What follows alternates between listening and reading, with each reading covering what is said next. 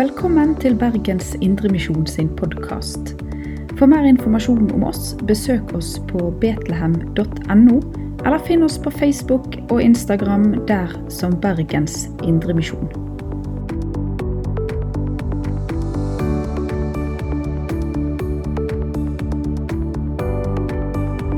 Velkommen til en ny Vi begynte forrige time på en gjennomgang av Dommernes bok og hadde fokus på den første delen av boka, som handler om røttene til kaoset. Hva var det som gikk galt i israelsfolket? Og Da brukte vi litt tid på denne generasjonsovergangen fra én generasjon til den neste, der det ser ut som at det har svikta helt totalt. En har ikke fått ført videre budskapet om Gud til den oppveksende generasjonen. Så stopper jeg opp for hvordan det ser ut her også til at det begynner med at israelsfolk egentlig ikke vil lyde Gud, ikke vil følge Han, fordi det er mer behagelig å gjøre det de sjøl ville. Og Så utarter dette her seg, og så blir det mer ut av det. Og Så starter vi hele boka med å se på hvordan det er til sjuende og sist én som i denne boka Israel og vi er avhengig av, og det er Gud. Josva døde, ulike personer kom og går, men Gud, han lever. Nå skal vi i denne hoveddelen av dommerboka stoppe opp for livet i kaos. Og Det er ganske mange kapittel. Det er kapittel 3 og vers 7 til kapittel 16 og vers 31. Og Da forstår en at her kan vi ikke gå like grundig inn på alt. Og så tenkte jeg at denne, denne bibeltimen her, det skulle jo være litt seinere. Det skulle være en del unge voksne med, så da måtte jeg ha litt sånn visuelle hjelpemiddel på skjermen òg. Men jeg tenker at uansett hva alder en er i, så er det noe godt å ha noen ord på skjermen å kunne kikke på. Så jeg, Spesielt når vi har så mange kapittel, så er det greit. Vi kunne valgt at jeg nå hadde kun stoppa opp for én eller to eh, dommere og fokusert veldig på det, men jeg vil prøve å gi et lite overblikk. Så skal vi stoppe opp for noen av de viktigste dommerne i denne delen av dommerboka, og så skal jeg mot slutten bruke litt tid på å vise hvordan alle disse dommerne til sjuende og sist etterlater oss med et stort rop. Et stort rop etter en bedre dommer, en evig dommer, en endelig dommer. Vi ber i lag før vi fortsetter.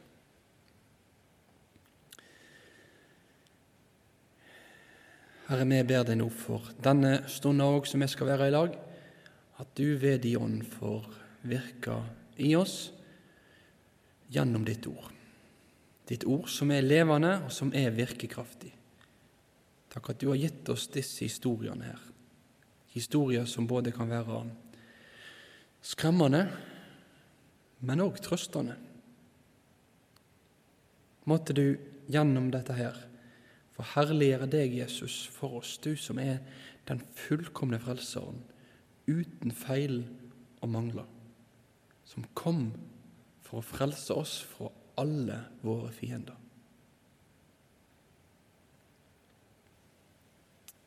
Amen.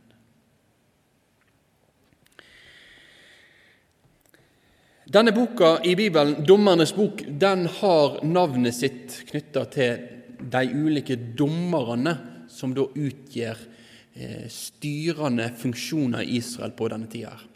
Men eh, det er ikke uten videre så innlysende hva en dommer er. For når vi bruker vanligvis ordet 'dommer' i vårt vanlige norske språkbruk, så handler det jo om enten en fotballdommer eller en som sitter i en rettssak og dømmer om noen er skyldig eller uskyldig. Men i, i dommerboka så er det en mye videre definisjon. Det er for øvrig òg et annet hebraisk begrep som stort sett blir brukt her, enn det som blir brukt knytta til dom. Så det er et annet begrep. Og dette begrepet her, det handler om at det er én person som utøver autoritet. Det er en dommer. Så Når du snakker om en dommer, så er det en som utøver autoritet. En som har makt og utøver denne makta her for å redde israelsfolket i ulike situasjoner. Det var da ulike ledere som nå i disse neste generasjonene, etter at Josva døde, blir reist opp. Og De får da oppgave å hjelpe israelittene når ulike fiender kommer. Det skal vi se litt på etterpå. Ulike folkeslag rundt angriper Israel på ulike fronter, og da reiser Gud opp dommere.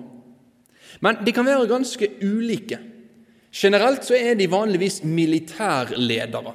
Det er gjennom sverdet de redder israelsfolket for fiendene, for fiendene var jo òg militærmakter. Men så møter vi jo sånn som Deborah, som i liten grad egentlig bruker sverdet. I den historien er det noe mer teltplugger som har vært brukt, men det skal vi ikke bruke så mye tid på nå. Hvis du vil lese en spesiell historie i Bibelen, så kan du lese om det. Det viser oss at dette, disse dommerne det handler ikke kun om at de gikk i krigen. De var dommere i Israel. De var personer som var med og sørga for at Israel ble fridd når de ble undertrykt på ulikt vis. Totalt sett så møter vi til sammen 12 eller 13 ulike dommere. Og Hovedvektet av historien blir knytta opp mot noen enkeltdommere. Her har jeg oversikt på alle sammen. Det er En som heter Otniel, en som heter Ehud, en som heter Shamgar. Så er det Deborah og Abarak, som er i samme historien. Gideon, Tola, Jair, Jefta, Ibsan, Elon, Abdon og Samson. Og så er òg Samuel, som kommer i første Samuels bok. Han blir omtalt som Israels siste dommer, men han står ikke nevnt i dommerboka. Samuel blir født etter dommerboka er ferdig. Eh, det som vi ser her når vi, ser på skjermen, det er at jeg har laga en liten oversikt for dere av hva stamme i israelsfolket de har sin bakgrunn i. For Israel, etter at de nå kom inn i landet, så var de tolv stammer, og det ser ut som at de har ikke uten videre vært et folk der en har hatt én felles ledelse eller én felles konge. Det har en ikke hatt. Nei, det har, vært, det har vært sånn at de ulike stammene har hatt sine ordninger. Og De ulike stammene hadde òg sine ulike fiender og var under angrep på ulikt vis. Så Vi kan her lese om Otniel, som var judastamme, Ehud, som var i Benjamins stamme. Shamgar han var en, sannsynligvis en ikke-jøde, det er iallfall en del som mener det. Så var det Barak, han var fra Naftali, og så står det videre om de nedover. Uansett så er dette med for å illustrere for dere at vi snakker ikke om én person som sitter og styrer over hele Israel. Nei, når vi leser om Gideon, så er det Manasses stamme og det som skjer rundt dem. Når vi leser om Jefta, så er det knytta til disse gileadittene. Når vi leser om Samson, så er han her Dans stamme. Og eh, det er det som handler om Dan og filisterne, som da er i fokus. Og Helt eh, til høyre her så har jeg et kart bare for å illustrerer sånn cirka hvor i landet de ulike dommerne hadde sitt virke. Så er det sånn at Når da dommerboken forteller oss denne historien om de ulike dommerne som Gud reiser opp, så går historien etter et ganske fast mønster. Det går igjen og igjen i en syklus. Og Denne syklusen her, den handler om at israelsfolket først faller ifra. De forlater Herren. I stedet for å høre på Han, lye Han og leve med Han, så går de bort ifra Han. Så følger de sine egne guder. I stedet for å tilbe Herren, så tilbyr de heller Baal eller Astarte. Og hva gjør Herren da? Jo, israelsfolket faller fra. Da ser det til venstre på skjermen. Herrens reaksjon på dette her, det er det som vi la oss i stad, i kapittel 2, at Herren han blir vred. Herren blir vred. Guds vrede den kommer til syne når israelsfolket forlater han. Vrede og kjærlighet hører nært sammen i, i Bibelen. Kjærlighet handler om den han elsker, men vreden det blir òg konsekvensen når den han elsker, heller vil ha med andre guder å gjøre. Vi må aldri glemme når vi leser Bibelen, at Gud er ingen likegyldig Gud til hvordan mennesket forholder seg til Han. Sånn var det verken i Gamle testamentet eller i Nytestamentet. Gud er en Gud som elsker. Han er en Gud som er nidkjær. Det vil si at Han vil ikke at de som tilhører han òg skal springe rundt og tilhøre noen andre. Han er som en ektemann som ikke vil at kona si skal gå rundt og ligge med nabomannen. Og så er det akkurat det bildet Bibelen bruker ganske ofte for å beskrive hvordan Herren ser på det som israelsfolket gjør når de begynner å gå til disse ulike avgudene. De er utro mot han, og Herren blir vred. Hva er konsekvensen? Jo, konsekvensen er at da kan ikke lenger israelsfolket regne med Herrens beskyttelse. I stedet for at Herren beskytter dem, så må de nå ta straffa, konsekvensene av sine lovbrudd. Og straffa var at Gud lot ulike folkeslag invadere Israel. Så kom filisterne, så kom midjanittene, så kom disse ulike kongene og invaderte landet, tok landet og regjerte der. Hva gjør da folket? Jo, mønsteret som går igjen gang etter gang etter gang i dommerboken, det er at når folket opplever trengsel, når folket opplever da at eh, det er vanskelig, når folket opplever at de er håpløse og hjelpeløse sjøl i møte med sine fiender, så blir de dreven til å gå der de kan finne håp. De roper til Herren.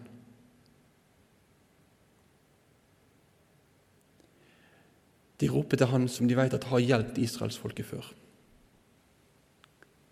De ser at Han er den eneste som kan redde dem.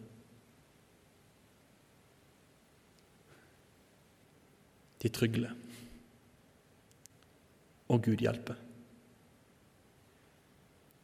Gud hører bønna til folket. Han hører ropet til folket. Når folket vender om til Han, så kan vi se hvordan Gud reiser opp ulike dommere, og ved disse dommerne sine hender frelse israelsfolket fra deres fiender. Når vi bruker ordet frelse, så bruker vi det stort sett om den store frelsen, frelsen fra døden og fra djevelen og alt.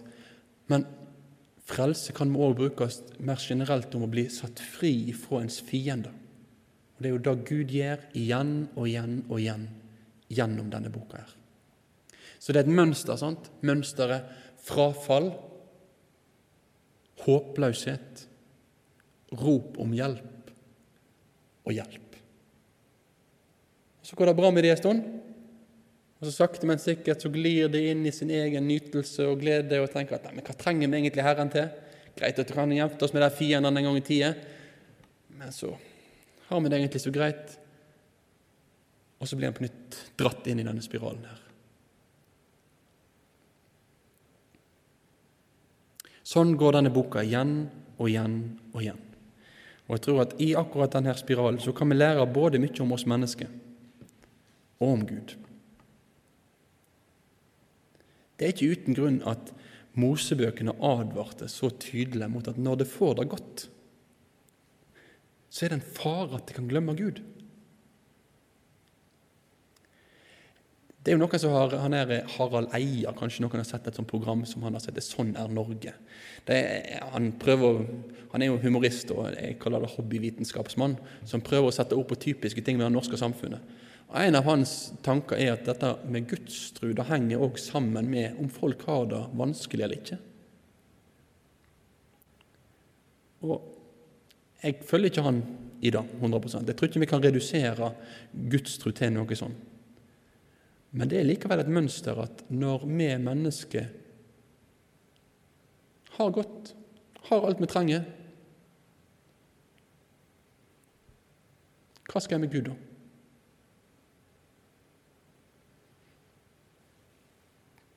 Tenk om denne pandemien vi er midt oppi nå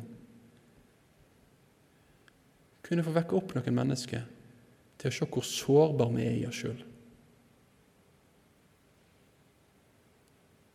Egentlig hvor hjelpeløse vi er uten Gud. Hvor avhengige vi er av Han. For det er vi. Men i Norge så har vi av og til lurt oss inn i et sikkerhetsnett der vi tenker at vi er så trygge. Men det er Jesus som er vår trygghet.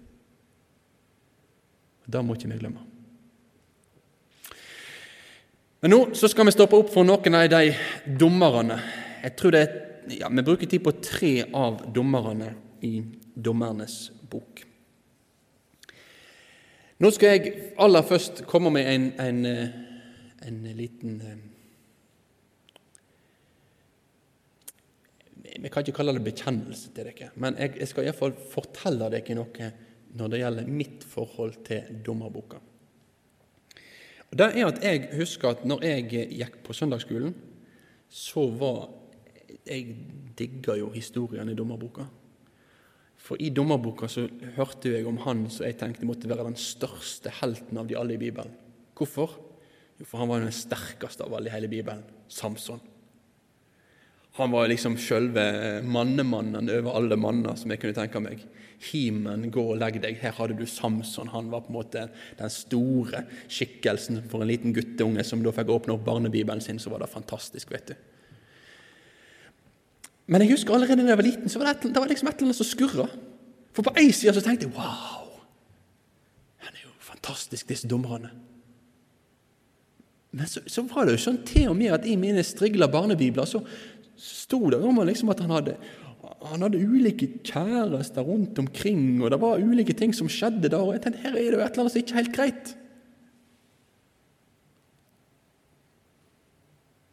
Og så ble jeg eldre, og så begynte jeg å lese mer i Bibelen på egen hånd.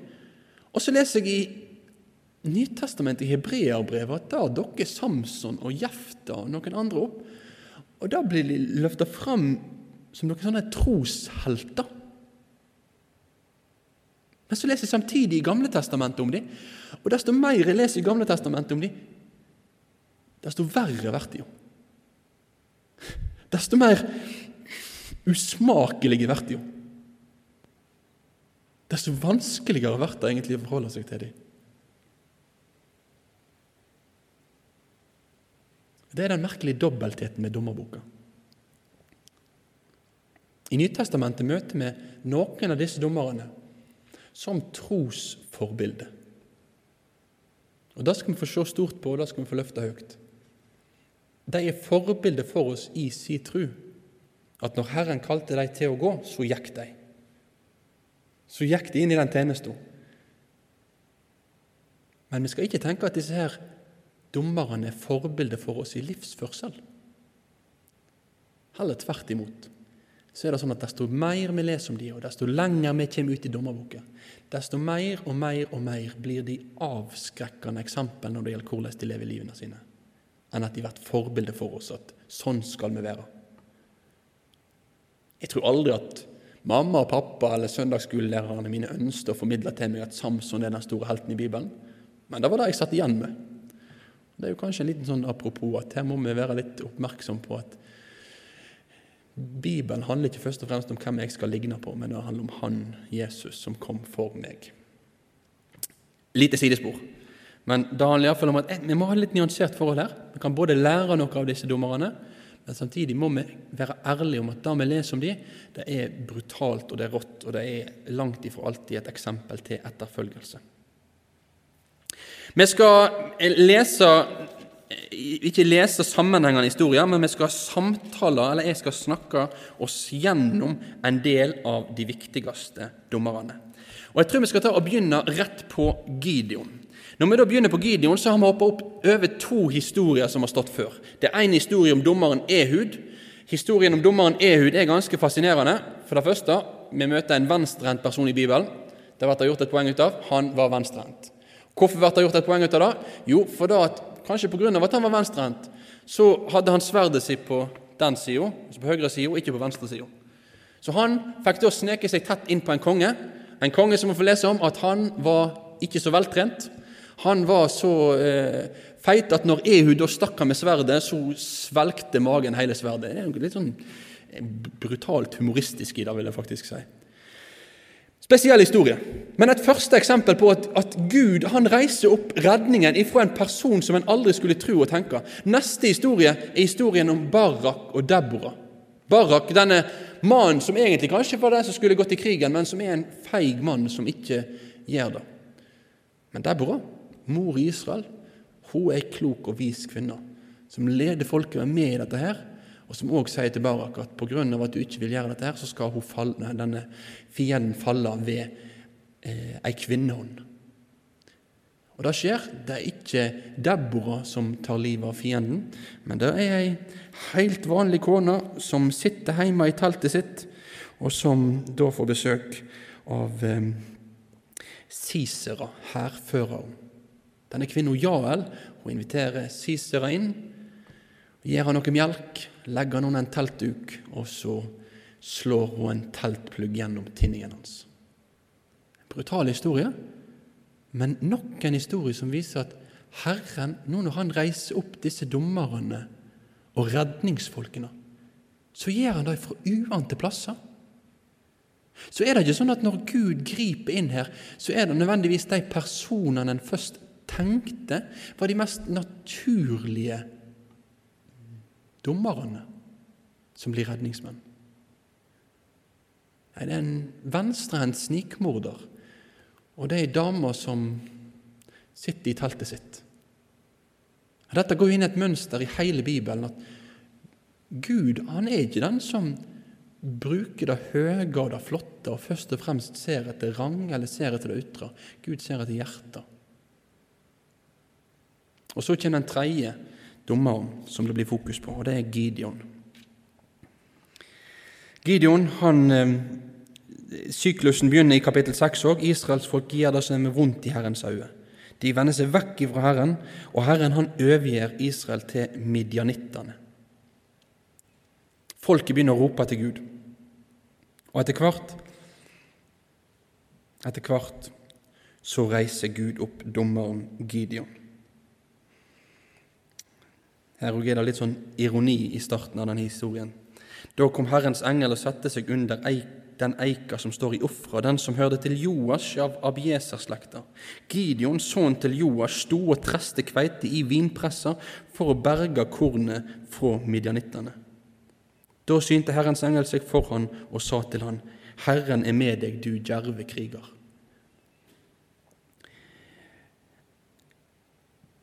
Det er kanskje ikke så mange av oss som er kornbønder.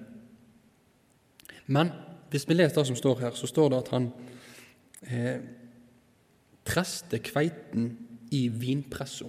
Vinpressa det er jo et rom inne. Det er ikke mye vind der. Men når du skal få treska kveiten, og du skal få vekk all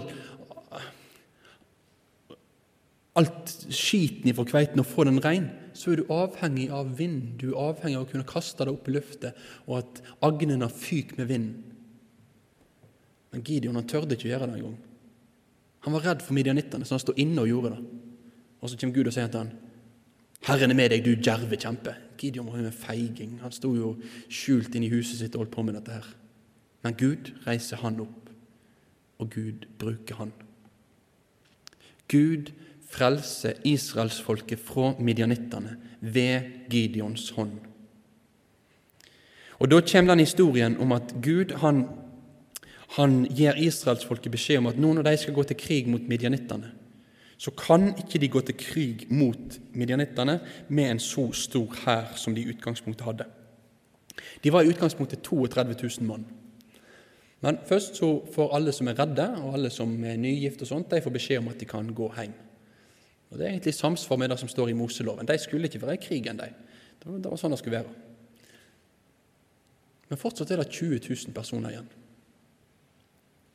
Og Gud han eh, syns fortsatt at hæren er for stor. Så det som blir gjort, det er at nå skal folk gå ned, og de skal drikke. Og Da er det spørsmål om de tar og løfter vannet opp til munnen, eller om de bøyer seg ned og lepjer i seg som en hund. De som lepjer i seg som en hund, de er 300, og de blir værende igjen. En liten eh, parentes. Jeg leste en bibelkommentar som mente da at eh, ja Grunnen til at det var disse 300 her som bøyde seg ned og, og leppja som en hund, at det var de som ble eh, utvalgt til å skulle være med i Gideons hær, det måtte jo være fordi de, de, viste seg som årvåkne, som et dyr. altså De var klar til å gå i striden, så de sto der nede på alle fire og var klar til å kjempe. Det, liksom, det måtte være de beste mennene, at det var det som var poenget. Men det er jo det motsatte som er poenget. Poenget er ikke at de var spesielt egnet, poenget var at Gud ville ha færrest mulig. Grunnen til at jeg nevner den tolkingen her i en liten parentes, det er da at jeg vil si at det er utrolig hva folk kan klare å finne i en bibeltekst hvis de bare leter. Nå har vi hatt noen skriverier i Vårt Land de siste ukene i Norge om historien rundt Maria og hennes graviditet med Jesusbarnet.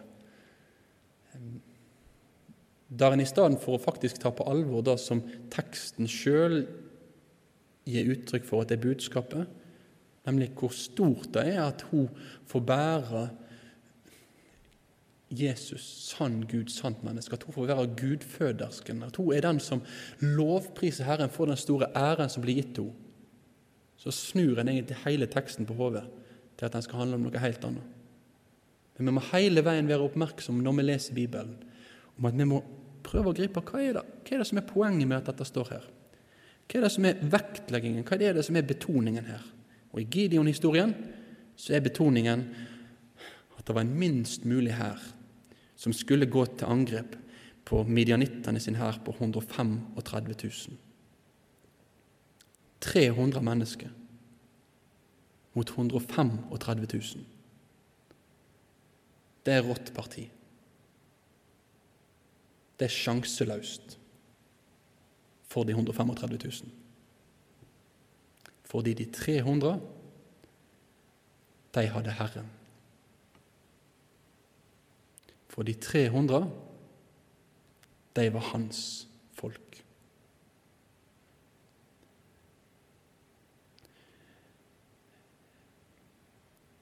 En mann med Herren er i flertall, har det blitt sagt en del i kirkehistorien. Og Det handler ikke om kjønn, men det handler om at den som tilhører Herren og står med Herren, er alltid på sida til den sterkeste. Om alle går imot, om alle tenker noe annet, om hele verdens hær reiser seg opp. Den som står hos Herren, står trygt. Gideon-historien er en påminner til oss om dette. En påminner til deg om dette og til meg om dette. Herren er den mektige. Han vi skal få tilhøre. Han som frelser oss,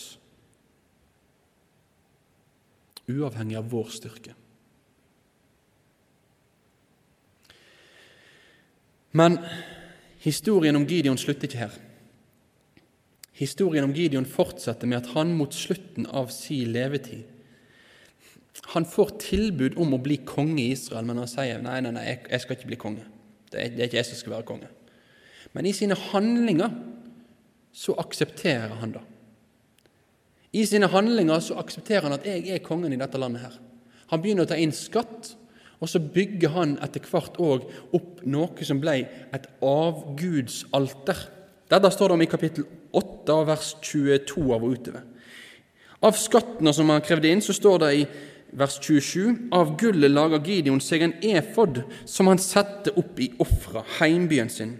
Alle israelittene der kom og dreiv hor med efoden, og han var til ei snare for Gideon og hans hus. Jeg skriver her fra Jerubal til avgudsdyrker. Jerubal det var et av kallenavnene som ble brukt på Gideon tidlig i hans eh, tjeneste.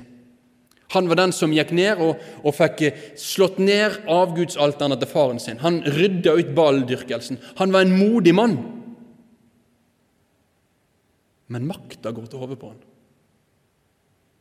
Og historien avslutter med at han gjennom sin ledelse drar folket vekk ifra Herren. At han blir en snublestein for israelsfolket fordi han bygger opp noe som de begynner å tilbe i stedet for Gud.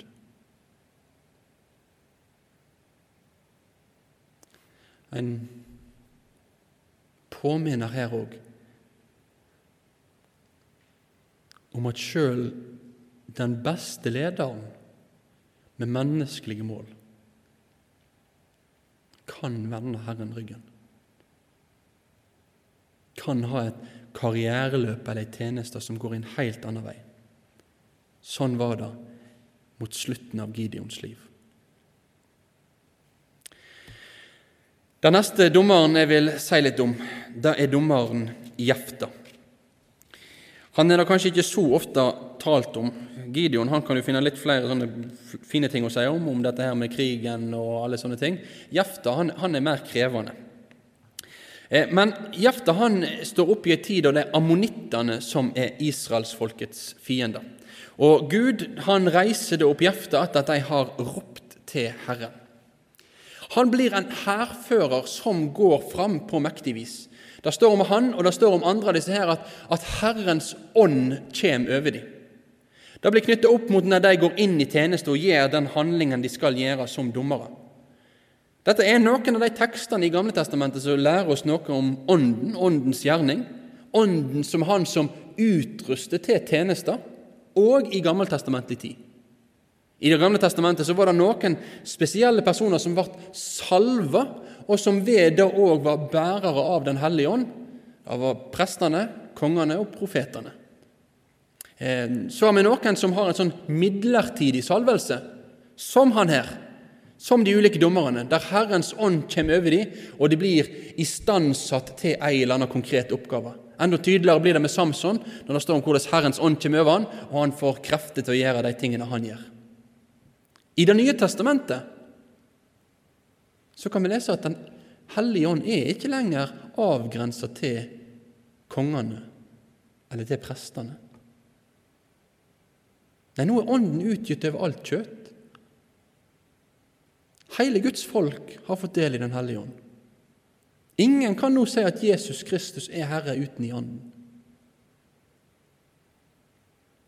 Sånn er det for deg som tror på Jesus, og for meg som tror på Jesus. Ånden er virksom. Ånden er den som handler i oss med å herliggjøre Jesus for oss og likedanne oss med Han, og som utruster oss til tjenester for Han. Og Vi får noen sånne små glimt av Åndens tjenester her i dommerboken. Men denne Jefta han blir et redskap for Herrens frelse. Men han er samtidig en person med en høgst tvilsom moral, skriver jeg her. For det skjer noe i løpet av hans dommertid. I krigen mot ammonittene så gir han et løfte til Gud, der han sier at hvis du, Herre, lar meg nå seire, så lover jeg at jeg skal ofre det første som kommer inn gjennom døra mi, som et brennoffer til deg. Det første som kommer inn gjennom døra mi etter seieren, da skal jeg ofre til deg, Gud. Og hva skjer? Israelsfolket går i krig. De vinner. De seirer over ammonittene. Fienden blir knust. Jefta kommer hjem, og dattera hans kommer inn.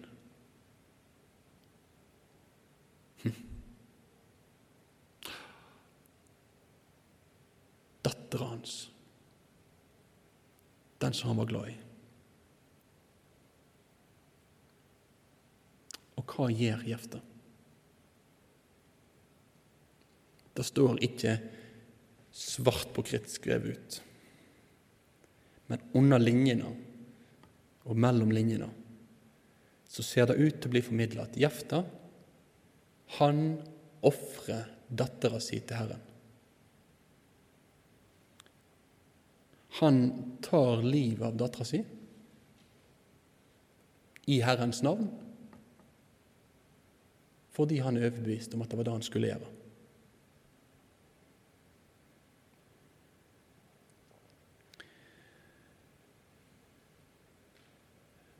Hvordan i alle dager kunne dette skje?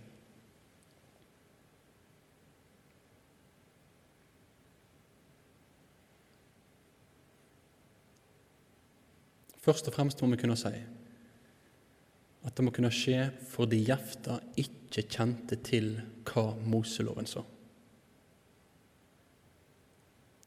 Moseloven var veldig tydelig på at mennesket skulle ikke ofres. Det er dyreofringer, men aldri menneskeofringer. Tvert imot så var menneskeofringene en av hovedkritikkene mot kanoneerne. De drev på med det. De ofra barna sine til Mollok. Men det skulle ikke Guds folk gjøre, fordi mennesket var verdifullt, mennesket var dyrebart. Det skulle ikke ofres på denne måten her. Men i sin stahet så bryr ikke Jefta seg om det. I sin uvitenhet så kjenner ikke han til det.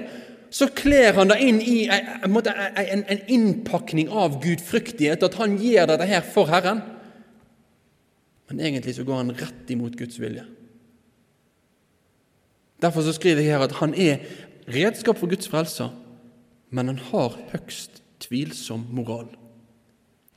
Og Vi ser nå at det er med disse dommerne her at det er akkurat som at det begynner å gå nedover. Gid, først hadde vi Ehud og vi hadde Deborah og disse her, som var ganske sånn greie skikkelser. Så kommer han Gideon, som mot slutten av livet sitt gjorde en del merkelige ting.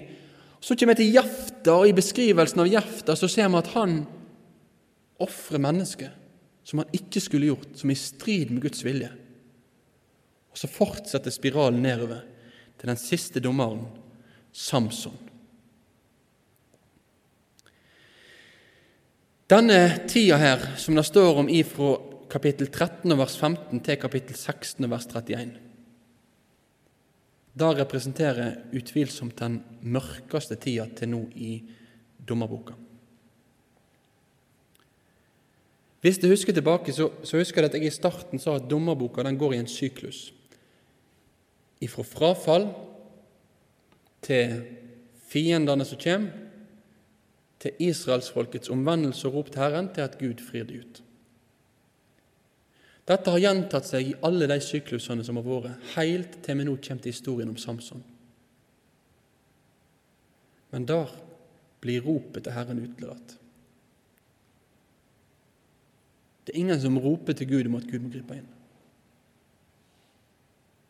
Det er ingen som klager sin nød over filisterne og deres angrep. Det ser ut som minnet om at Gud er Han som kan redde oss. Det er fjernt borte. Og Dette er egentlig òg et sterkt eksempel for oss i Bibelen på at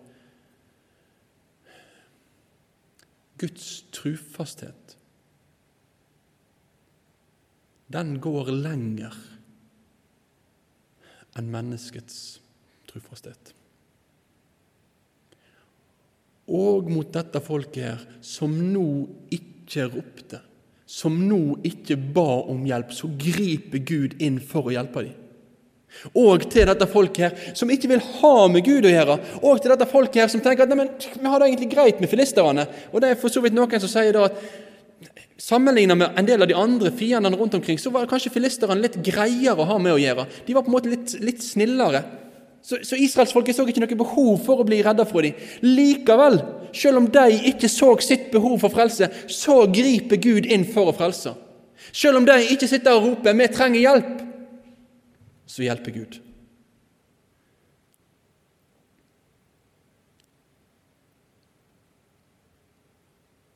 Og sånn er det jo til sjuende og sist. Guds frelsende inngripen, den kommer fordi Gud vil. Fordi Han er nådig. Fordi Han vil frelse. Ikke fordi vi mennesker kjenner at vi absolutt vil det. På syndefallets dag, når Gud ga sitt første løfte om at kvinnens ett skulle knuse slangens hode, så ga Gud av løfter fordi han vil frelse. Han ville sørge for at syndens forbannelse var tatt hånd om.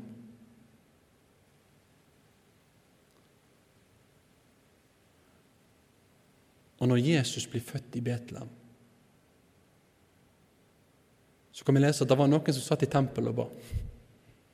Vi møter dem i Lukas, vi møter Anna Fanuels datter. Men det ser ikke ut som at israelsfolket satt på sine kne og ropte 'Nå må Messias komme'. Men Gud sendte Jesus. Historien om Samson er et lite glimt for oss inn i Guds frelsesvilje. Så står det videre om han at han var en nasireer. Og Disse nasireerne skulle ifølge Moseloven de være avholdende fra alkohol. Ifra hårklipping og ifra kontakt med lik.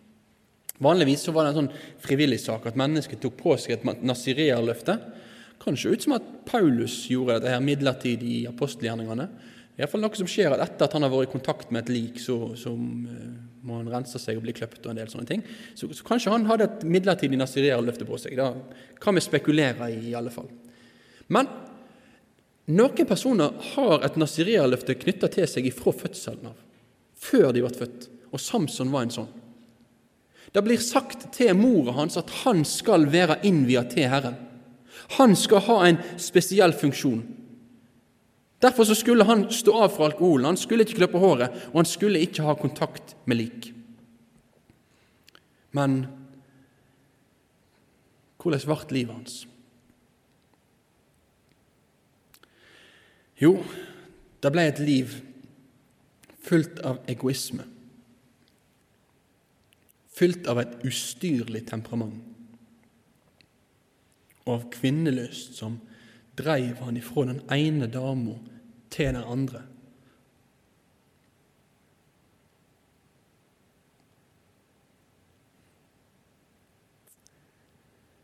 Men Herren han brukte dette her for å fri ut israelsfolket.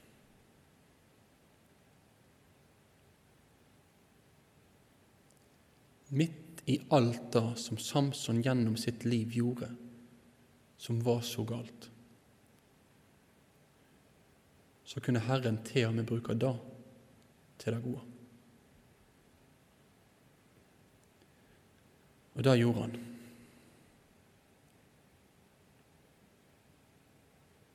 Samsons liv går nedover.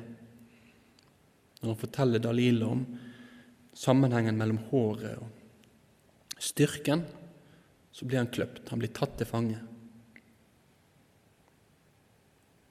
Og så skjer da at han hos filisterne ender sitt liv. Det er et selskap til en avgud som heter Dagon. Og Dagon han kommer en til å treffe på igjen hvis en hadde lest videre til Samuelsbøkene i Bibelen. Den fester hans ære. Men nå skal Herren en siste gang vise at han er sterkere enn Dagon. Samson ber. Samson roper til Gud om å få krefter, og han raser ned bygningen. Og med sin død så redder han Israel fra deres fiender, fra filisterne.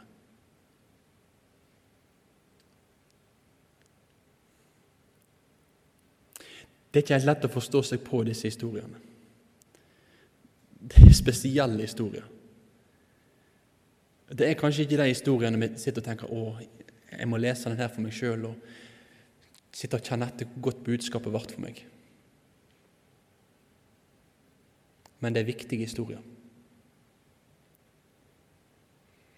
Og en av grunnene til at de er viktige, det er det som jeg sa i stad, helt i starten når vi leser gjennom historien om dommerne, så leser vi om den ene skikkelsen etter den andre som fikk vært brukt av Gud, men som samtidig på grunn av sin synd òg skitna til tjenesten sin og skitna til folket. Vi sitter etter historien om Samson igjen med et rop om at vi trenger noe mer. Vi trenger en annerledes frelser.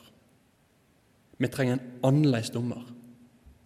Vi trenger Gud.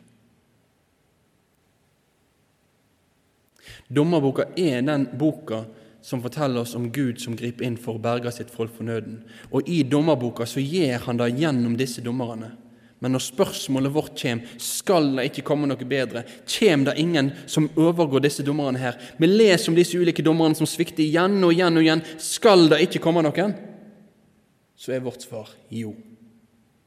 Det har kommet noen.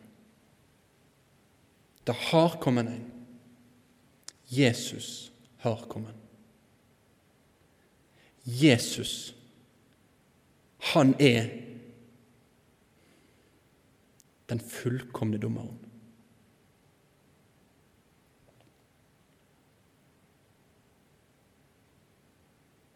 Som liten gutt håpte jeg og tenkte jeg at Samson var en helt. Så tenkte jeg at Samson, han var den store.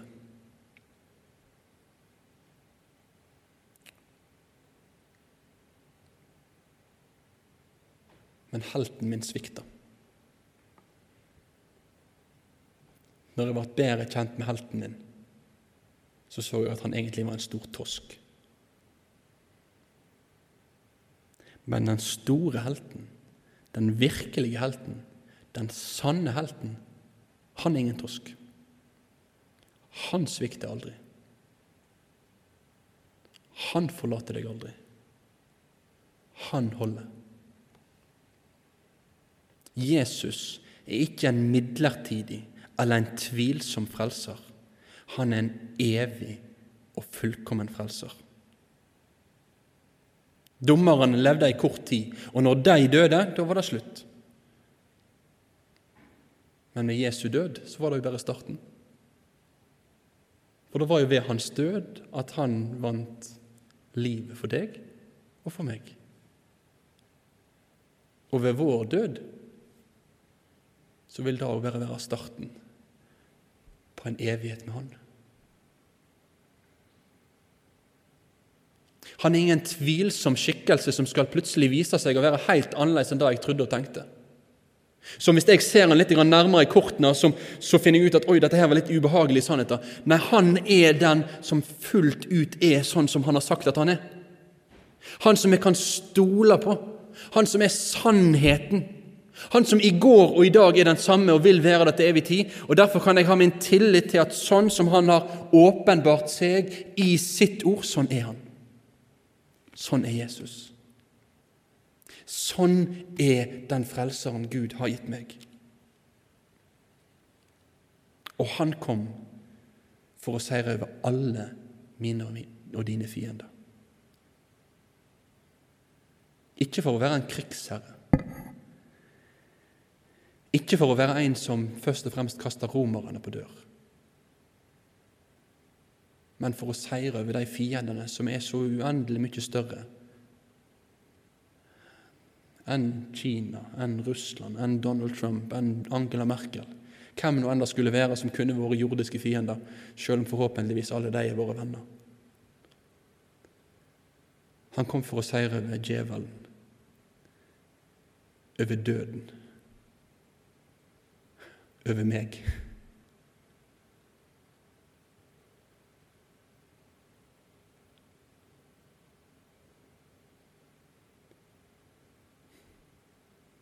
Han er din fred.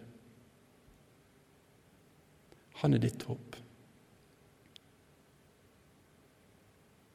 I møte med alt denne verden kan svike deg med Jesus. Han er den som ikke svikter. Sånn er han som hele dommerboka til sjuende og sist drar vårt blikk imot. La oss be.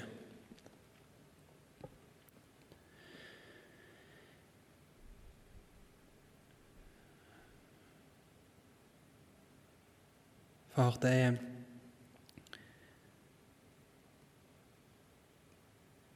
Sånn at når vi er i møte med ditt ord les om de menneskene som har levd før oss, det som har skjedd før oss i historien, så kan vi av og til lure hvorfor har du skrevet dette her, Herre? Hvorfor har du dette her la stå som en del av vår bibel i dag? Hva skal vi med det? Men takk for alle disse historiene som både maler for oss hvordan du griper inn for å redde Jesus. Hvordan jordiske frelsere til sjuende og sist ikke kan være noen frelsere som kan gi oss, frelse som kan gi oss et varig håp. Og takk at du, Jesus, du viser deg i Bibelen som den sanne frelseren, som den evige frelseren, som Han som kom for å gjøre soning for alle våre synder, som står opp for de døde, som lever og som råder. All lov og pris og ære til deg, Jesus, du som i dette øyeblikket i himmelen blir lovprist av englehærene for den du er, og for det du har gjort.